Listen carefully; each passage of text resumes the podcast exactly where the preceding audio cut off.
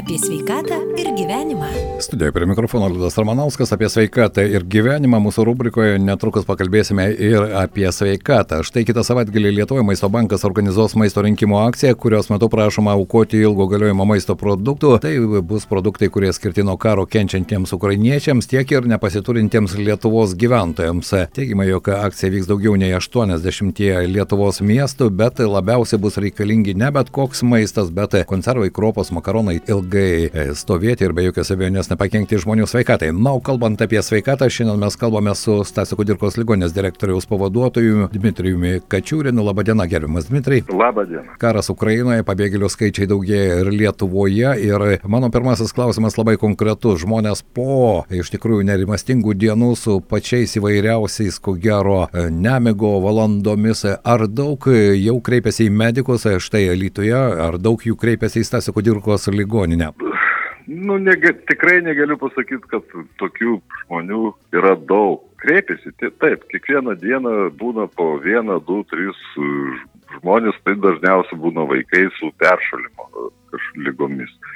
E, vienas kitas buvo suaugęs žmogus, bet be rimtesnių kažkokių problemų. Ir suaugę žmonės buvo visi gydyti ambulatoriškai, o jo antras vaikutis, jo guli pas mus skyrių. Vienas buvo pagydytas, o kitas vat, vakar hospitalizuotas į vaikų lygų skyrių, bet jo būklė nėra. Peršalimai pagrindina, galima suprasti, žmonės ten valandų valandomis, o kai kurie ir paromis laukia galimybės ištrūkti iš Ukrainos, galima suprasti, jog peršalimai tai ko gero, na ir pavasaris už lango Ukrainoje, kai kur dar ir sniego nemažai yra, bet tokio didelio antplūdžio, kiek supratau, iš pabėgėlių centro nėra pas jūs. Ne, nėra. Ir iš tikrųjų tai mes pasiruošėme pasiruošę. Nu, nemanau, kad bus labai poreikis medicininės pagalbos, o jeigu atsirastų, kaip vakar kalbėta buvo posėdį su ministerija, nors slaugytoja tam centre, tai manyčiau, kad daug problemų bus išspręsta ir vietoje. Taip, be jokios abejonės, Lietuvoje jau virš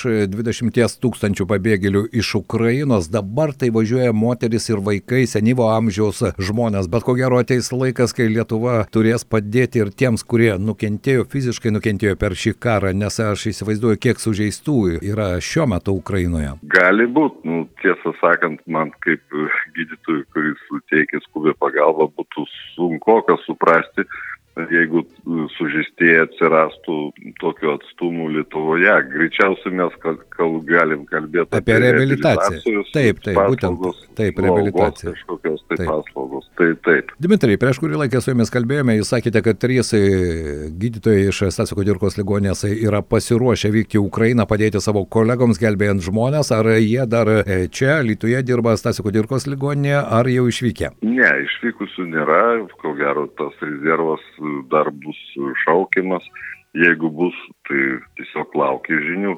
Šiuo metu jie dirba savo darbo vietą. Štai ir į mūsų radio stotį kreipėsi žmonės, pas kuriuos jau gyvena ukrainiečių šeimos, tokių Lietuvoje, nežinau kiek yra dabar, ta situacija keičiasi, buvo apie 170 vaikų čia jau pradeda eiti į mokyklas, tas, ko gero, prisitaikymo momentas, na vis dėlto gyvenimas nestovi vietoje, tu negali ar ne nubraukti visko, nes gyventi reikia ir tiems, kurie pabėgo iš Ukrainos. Jūsų nuomonė, ar štai keičiasi mūsų pačių kaip bendruomenės požiūris į tai, kas vyksta Ukrainoje ir į tos žmonės, kurie atvyksta, nes visada būna tas emocinis pakilimas, visi mes pasiruošę padėti, po to prasideda rutina, kasdienybė, na ir tada mes daugiau pradedame jau galvoti tik ko gero apie savo interesus. Ne, nematau, kad mūsų interesai nukentėjo šiuo metu.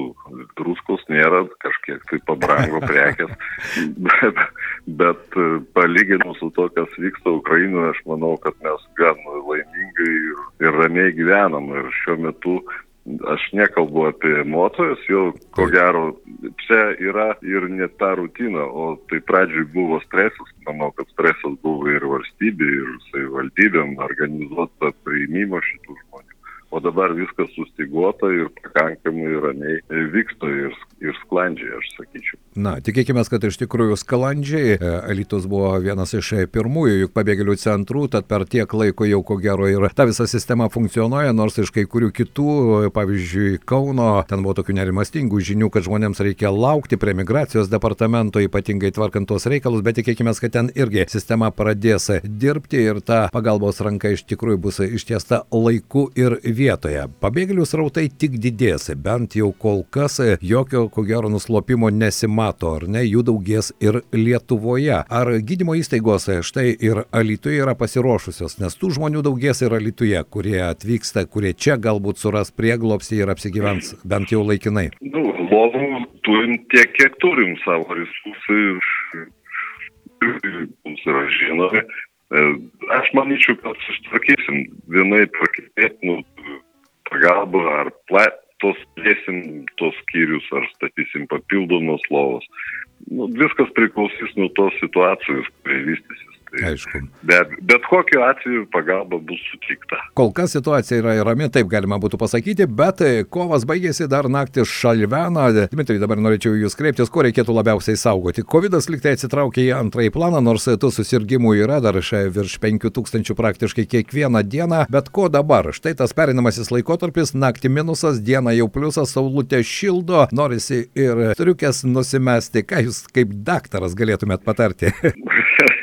nu, kad saulutė šildo ir dienos yra tikrai pavasariškos, tai džiugu, išsakyčiau, tų, jų nereikia bijoti. Įsivaizduokit, kiek laiko mes nemetėm saulės, geriam vitamino D, o dabar jisai gaminsis natūraliai, truputėlį padės mums ir saulė. Nemanau, kad čia reikia kažko bijoti. Ką pastebėjom šiom dienom, kad padidėjo vaikų traumų skaičių. Tai va tai kelia kaip visada nerimą, bet tai būna kiekvienais metais. Tai yra atsirado dviračiai, atsirado paspirtukai, daug taip, taip. žaidimų laukia.